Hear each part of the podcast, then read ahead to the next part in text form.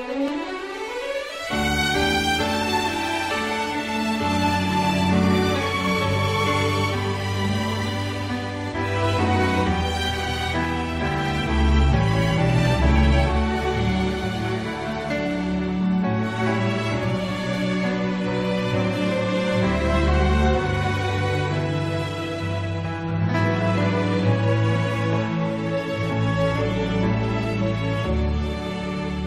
Mari bersama Radio Advent Suara Pengharapan mengikuti pelajaran Alkitab melalui audio Sekolah Sabat.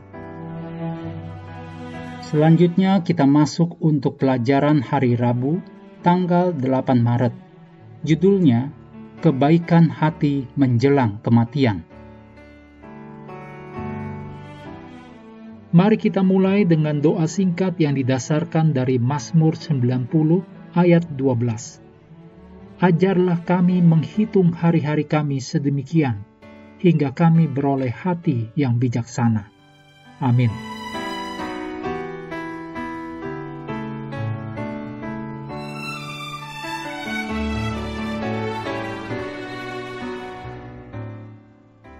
Empat ayat berikut ini berisi prinsip-prinsip yang dapat kita ambil mengenai bagaimana kita harus menangani uang. Yang pertama dalam 1 Timotius 6 ayat 17, Peringatkanlah kepada orang-orang kaya di dunia ini agar mereka jangan tinggi hati dan jangan berharap pada sesuatu yang tak tentu seperti kekayaan, melainkan pada Allah yang dalam kekayaannya memberikan kepada kita segala sesuatu untuk dinikmati. Selanjutnya dalam 2 Korintus 4 ayat 18.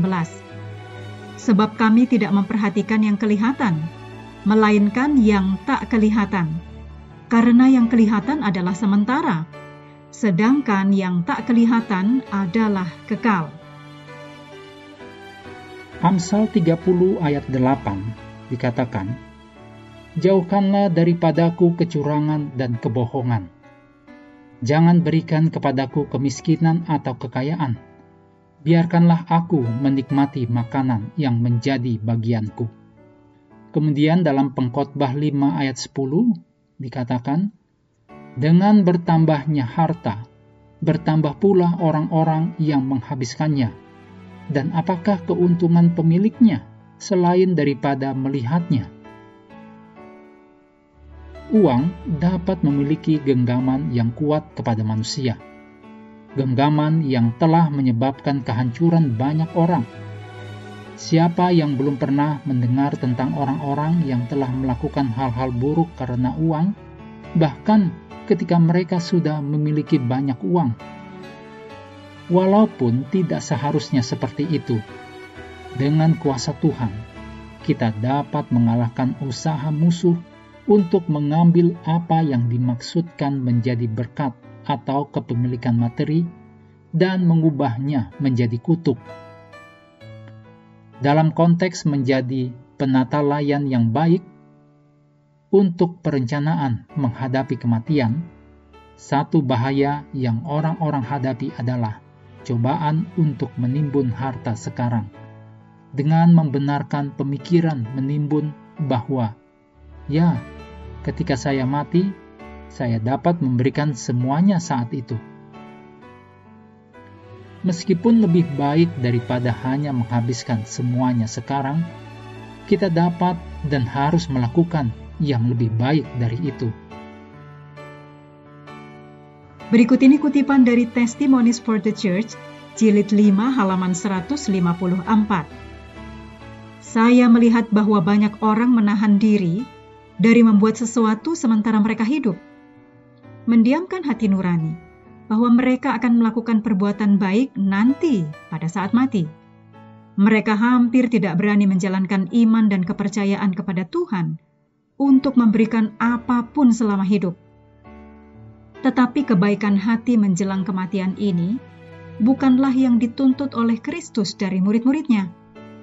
Hal itu tidak dapat memaafkan keegoisan hidup. Mereka menahan harta mereka sampai pada saat terakhir menyerahkannya saat kematian daripada berbuat sesuatu saat hidup. Kerugian sedang terjadi secara terus-menerus. Banyak rencana untuk melakukan sesuatu, tetapi mereka menunda perkara itu.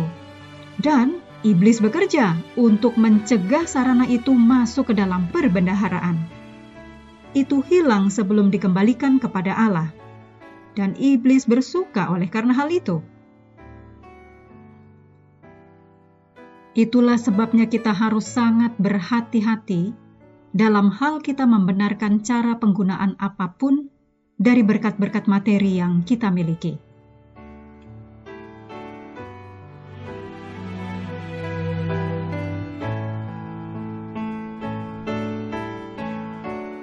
Mengakhiri pelajaran hari ini, ayat hafalan terdapat dalam Wahyu 14 ayat 13 dan aku mendengar suara dari sorga berkata, Tuliskan, berbahagialah orang-orang mati yang mati dalam Tuhan sejak sekarang ini.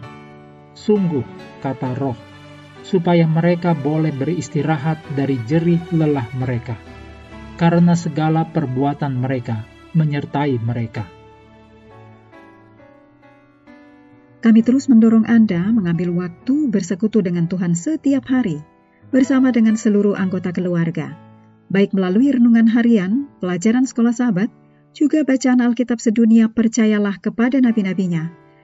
Yang untuk hari ini melanjutkan dari Nehemia pasal 7.